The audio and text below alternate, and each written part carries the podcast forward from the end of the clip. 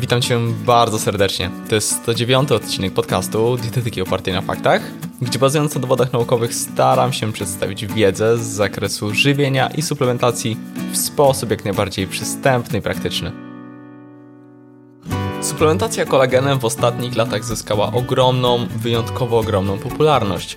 Jej zastosowanie upatruje się szczególnie w kontekście zdrowia skóry, włosów, ale także zdrowia stawów. Można więc powiedzieć, że głównie w kosmetologii i sporcie. Biorąc pod uwagę, jak ważny kolagen w naszym organizmie jest oraz że wraz z wiekiem produkujemy mniej kolagenu, wydawać by się mogło to sensowne. Ale czy faktycznie? W końcu nie tylko o logikę tutaj chodzi. Co a to dowody naukowe? Czy suplementacja kolagenem może mieć sens? O tym w dzisiejszym odcinku. Postaram się prostym językiem. Zapraszam do materiału.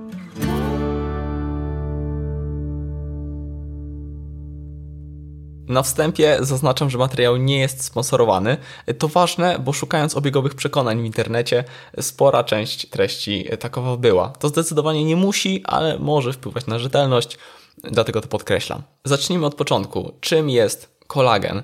Kolagen jest naprawdę ważnym i najbardziej powszechnym białkiem strukturalnym znajdującym się w naszej skórze, kościach, mięśniach, ścięgnach czy więzadłach. Można powiedzieć, że kolagen to trochę taki cement, a może bardziej klej z uwagi na rozciąganie, który trzyma wszystkie elementy naszego ciała razem. Zwyczajnie takie ma właściwości. I choć generalnie tworzy on złożoną, zwiniętą strukturę spiralną i wyróżnia się jego wiele typów, to nie wchodząc w szczegóły, warto zapamiętać kilka rzeczy. Po pierwsze, kolagen jako białko składa się z aminokwasów, takich cegiełek, e, jeszcze mniejszych elementów. Te aminokwasy mogą być różne, co wpływa na rodzaj kolagenu, przy czym najważniejsze z nich to glicyna, prolina i hydroksyprolina. Y, tu mała uwaga. Jak wiadomo, białko jest niezbędnym elementem diety. Musimy na co dzień y, dostarczać białka, właściwie konkretną pulę aminokwasów, tych aminokwasów, których organizm nie jest w stanie sam wytworzyć, dlatego musimy je dostarczać z pożywieniem. Y, I tak w diecie z różnymi produktami odzwierzęcymi czy roślinnymi dostarczamy to białko. Poza tym istnieją aminokwasy, które nasz organizm sam wytworzyć może. Glicyna, prolina, hydroksyprolina, czyli te najważniejsze z punktu widzenia kolagenu, ale nie jedyne mogą powstawać w naszym organizmie, już nie wchodząc w szczegóły jak i gdzie. E, będę o tym jeszcze wspominać później, e, bo to trochę bardziej złożone. Po drugie, nasz organizm wytwarza kolagen. Jest to złożony proces, który wymaga odpowiedniej dostępności substratów, przykład właśnie wspomnianych aminokwasów, czy prekursorów, czynników wspomagających, przykład energii, niektórych witamin czy składników mineralnych. Dodatkowo duże znaczenie mają tu kwestie genetyczne i środowiskowe. Mogą występować zaburzenia syntezy kolagenu przez dziedziczne choroby, ale też wpływ np. niedoborów pokarmowych, stresu oksydacyjnego, zmian hormonalnych, chociażby podczas menopauzy, e, czy w konsekwencji urazów. I po trzecie, e, to dla niektórych oczywiste, a dla niektórych nie, więc chcę o tym powiedzieć. Spożywając różne produkty spożywcze, a więc e, poprzez drogę pokarmową, ulegają one trawieniu i zostają rozłożone na jak najmniejsze cząsteczki, które mogą ulec wchłonięciu. Nie inaczej jest z kolagenem. Gdy spożywamy kolagen, rozbijany jest on na mniejsze części. E, ponownie wspomniane aminokwasy, ewentualnie małe peptydy, do czego jeszcze później się odniosę. I to one mogą ulegać wchłonięciu. Nie jest tak jak czasem w reklamach E, syropków na kaszę, że spożywamy syrop i on zamiast do żołądka to trafia do płuc na animacji. E, tak i tutaj kolagen nie leci prosto do skóry czy konkretnego stawu.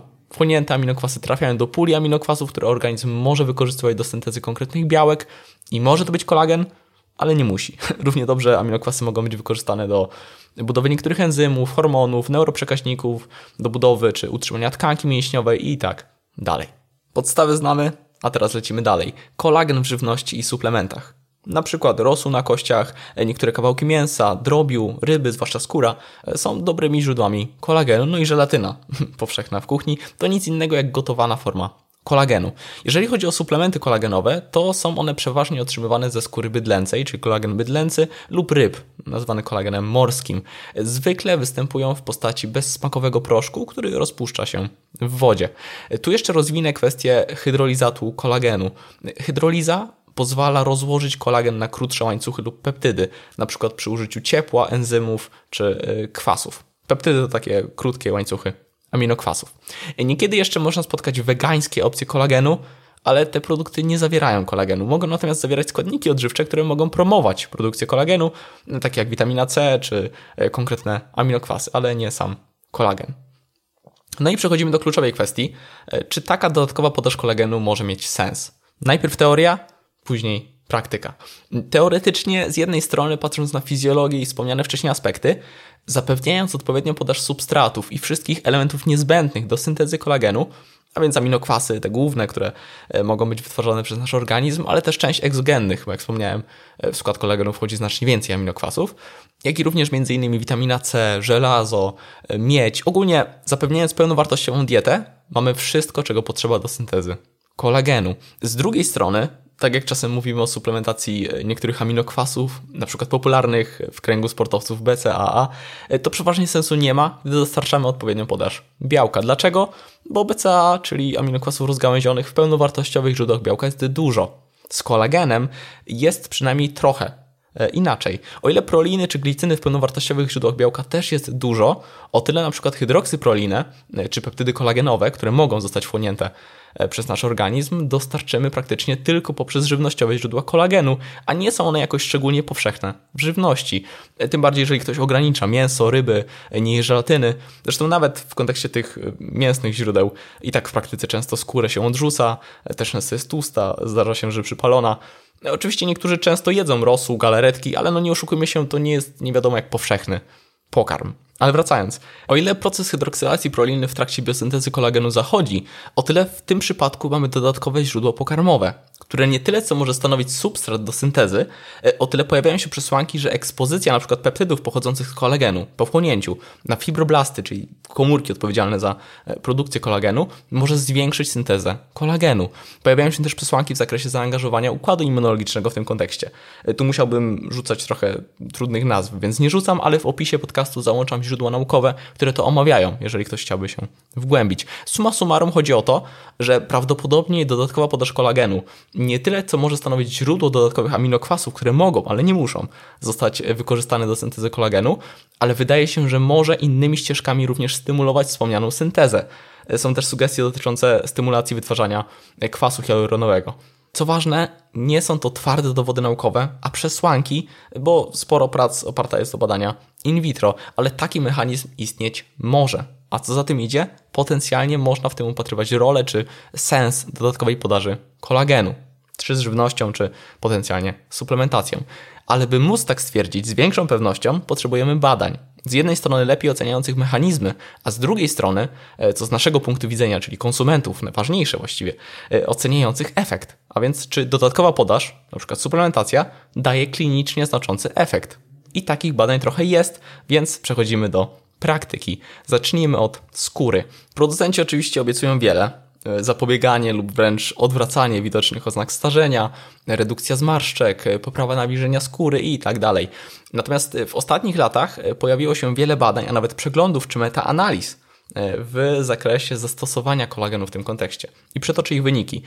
W 2021 roku pojawiła się metaanaliza 19 badań, w których łącznie wzięło udział 1125 uczestników, głównie kobiet w wieku od 20 do 70 lat. Praca wykazała korzystne wyniki suplementacji hydrolizowanym kolagenem w porównaniu z placebo pod względem nawilżenia, elastyczności i zmarszczek skóry. Suplementacja musi jednak trochę trwać, przynajmniej 2-3 miesiące. Najdłuższe badanie w tym zakresie, przynajmniej takie, do którego dotarłem, trwało 120 dni, gdzie suplementację zakończono po 90 dniach, ale obserwowano przez miesiąc utrzymanie efektów i zaobserwowany pozytywny efekt był utrzymany przez ten czas. Mimo to Ciężko powiedzieć, e, jak to wygląda długofalowo. Wydaje się, że suplementacja nie zmniejsza aktywności e, kolagenazy, czyli enzymu, który z czasem, można powiedzieć, degraduje nasze zapasy kolagenu, a więc pozytywne efekty przyjmowania suplementów kolagenowych prawdopodobnie, przynajmniej długofalowo, można utrzymać tylko wtedy, gdy będziemy kontynuować przyjmowanie tych suplementów praktycznie w nieskończoność. E, czy jest to zasadne? Czy do końca bezpieczne?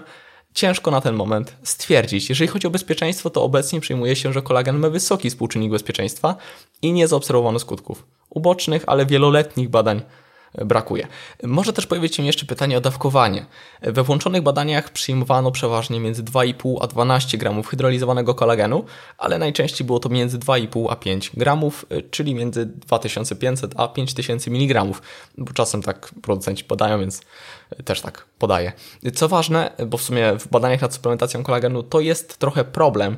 Nie zgłoszono konfliktu interesów, a praca nie była finansowana, chociaż niektóre włączone do metaanalizy badania były.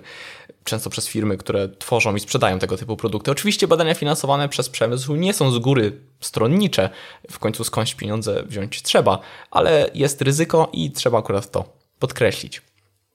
Jeszcze jedna metaanaliza z 2022 roku. W niej również wykazano, że preparaty z kolagenem miały statystycznie istotny wpływ na poprawę nawilżenia skóry i zmniejszenie e, przez naskórkowej utraty wody. E, co ciekawe, bo praca obejmowała też inne substancje, większość suplementów w postaci preparatu złożonego z różnych substancji, w tym kolagenu też, e, miała odwrotny wpływ na nawilżenie niż w przypadku pojedynczego środka, na przykład samego właśnie hydrolizowanego kolagenu. Jest to interesujące i wymaga dalszych badań. W 2022 roku pojawił się też przegląd w kontekście stricte zmarszczek i tam też wnioski sugerują, że kolagen ma potencjał do e, opóźnienia starzenia się skóry. Podsumuję to jeszcze na koniec wraz z takim praktycznym rozwiązaniem. Lecimy dalej. Kwestia urazów tkanek miękkich. Nie ma w tym zakresie wielu badań, ale ponownie pewien potencjał jest. Tutaj często cytowana jest jedna e, konkretna praca z roku 2017 i przytoczę ją krótko. Uczestnikom podawano 15 gramów żelatyny z niską porcją witaminy C, konkretnie 48 mg w okresie przedtreningowym, można tak powiedzieć, bo uczestnicy y, po godzinie od spożycia żelatyny wykonywali krótki, 6-minutowy trening w postaci skoków na skakance. Taki zabieg pozwolił na zwiększony przepływ krwi przez tkanki miękkie. Y, zaobserwowano istotnie zwiększoną syntezę kolagenu, która otrzymywała się nawet przez 72 godziny. To obiecujące wyniki, na podstawie których można upatrywać hipotetycznie zastosowanie w kontekście rehabilitacji po urazie tkanek miękkich, czy nawet w kontekście prewencji. Więc znów, twardych dowodów nie ma, ale przesłanki są. E, usłyszałem od Damiana Parola kiedyś takie zdanie, że sportowcy nie mają czasu czekać na badania naukowe. Więc mimo, że obecnie nie wiemy tego wystarczająco dobrze, to z uwagi na przesłanki, niską cenę i bezpieczeństwo, żelatynę lub hydrolizowany kolagen można rozważyć. Właśnie w kontekście na przykład rekonwalescencji po kontuzji, e, na przykład konkretnego stawu czy więzadła. I ja z tego korzystam, e, inni dietetycy, z którymi o tym rozmawiałem, także, jak i również e, istnieje w literaturze ciekawy opis przypadków dwóch zawodników rugby po uszkodzeniu ACL-a, gdzie zaopiekowani przez ekspertów otrzymywali suplementację 10 gramów żelatyny z niską dawką witaminy C przed wszystkimi sesjami ćwiczeń rehabilitacyjnych przez 24 tygodnie okresu rehabilitacji. W praktyce skorzystać można z gotowych suplementów kolagenowych e, lub galaretek, na przykład bez cukru, z porcją owoców, żeby dostarczyć trochę e, witaminy C. E, około 10-15 gramów żelatyny czy też kolagenu na 30-60 minut przed sesją ćwiczeń, na przykład właśnie w okresie po kontuzji. I ostatni raz podkreślam, bo wolę, żeby to wybrzmiało, nie ma na to twardych dowodów, ale są przesłanki. I to mała przerwa na autoreklamę. E, od ponad dwóch lat prowadzę newsletter, w którym co tydzień wysyłam pigułkę najnowszych informacji ze świata nauki na temat dietetyki i suplementacji. Jeżeli wyjdzie coś nowego, wartościowego, na przykład właśnie w kontekście e, kolagenu, będzie o tym w newsletterze. E, staram się pisać krótko, konkretnie i przystępnie. Jest wersja darmowa i wersja płatna. Wszystkie szczegóły pod linkiem dietetyka oparta na faktach.pl ukośnik newsletter. Zostawię też link w opisie odcinka. Jeżeli zależy Ci na tym, żeby być na bieżąco w dietetyce, to po prostu musisz dołączyć. I wracamy do odcinka. Kolejny temat to stawy. W 2020 roku pojawił się przegląd systematyczny badań w kontekście zastosowania kolagenu w chorobie zwyrodnieniowej stawów. Wyniki sugerują, że suplementacja wykazała pewne korzyści i może być potencjalną strategią terapeutyczną lub wspomagającą u pacjentów, chociaż wątpliwe na ten moment jest wciąż, czy efekt jest klinicznie istotny w perspektywie średnio i długo terminowej. Cytując autorów, potrzeba znacznie więcej prac, zanim będzie można wyciągnąć ostateczne wnioski i tym bardziej zanim kolagen znalazłby się w oficjalnych zaleceniach. Podobnie jest z reumatoidalnym zapaleniem stawów. Chciałbym dać jakieś konkretne informacje, tyle i tyle, pomoże, nie pomoże, ale niestety aktualnie stan wiedzy jest niski na tym polu. E, czy jest jeszcze jakiś inny aspekt w kontekście kolagenu? Czasami pojawia się obiegowo temat włosów czy zdrowia jelit, ale dowody w tym zakresie obecnie nie są przekonujące. No dobra, zbliżając się trochę do końca, chcę jeszcze podjąć dwa tematy. Po pierwsze, myślę, że warto to dodać, że kolagen jest białkiem niekompletnym, nie zawiera wszystkich dziewięciu niezbędnych aminokwasów, tych egzogennych, więc to słaba opcja z punktu widzenia ogólnej syntezy białek w naszym organizmie. Do tego, by dbać całościowo o zdrowie, zachowanie tkanki beztłuszczowej i tak potrzebujemy dostarczyć pełnowartościowego białka i od tego mamy szereg produktów spożywczych bogatych w białko, ale żelatyna czy kolagen do nich nie należą. I druga sprawa to to, czy źródło ma znaczenie. Na podstawie niewielu badań, ale jednak wydaje się, że spożycie zhydrolizowanego kolagenu, niezależnie od źródła, jak i żelatyny, skutkuje podobnymi stężeniami glicyny, proliny i hydroksyproliny po spożyciu. E, trochę różni się może wchłanialność pod kątem np. tempa, e, ale jednak różnice nie wydają się duże. Chociaż potrzebne są kolejne badania. Niemniej, z tej perspektywy źródło kolagenu może nie mieć znaczenia, no bo w końcu kolokwialnie ujmując, organizm sam zadecyduje, jaki kolagen syntetyzuje i gdzie. Potrzebuje do tego po prostu substratów. Ale z drugiej strony ograniczone dowody wykazują różnice w stężeniu konkretnych peptydów kolagenowych po spożyciu różnych źródeł kolagenu. To może, ale nie musi mieć znaczenie. Obecnie tego nie wiemy, a to, że niektórzy producenci sugerują, że ich kolagen jest najlepszy, to inna sprawa. Aktualnie więc ciężko powiedzieć, e, jak ja do tego podchodzę. Jeżeli ktoś chce stosować kolagen, e, to wybrałbym ten, który był stosowany w badaniach. W przypadku skóry najczęściej był to zhydrolizowany kolagen rybi e, i po taki bym sięgnął. Jakiej firmy? Obojętne, najtańszy, bo na tym czasami producenci robią ogromną marżę, bo opakowanie jest ładne, estetyczne, warto przeczytać skład. Można się zdziwić, bo znajdziemy produkty skrajnie różne cenowo z identycznym składem. Tam, gdzie moda, tam niektórzy robią kasę. E, w kwestii natomiast rekonwalescencji po urazach e, prawdopodobnie dobrze wypada tania żelatyna.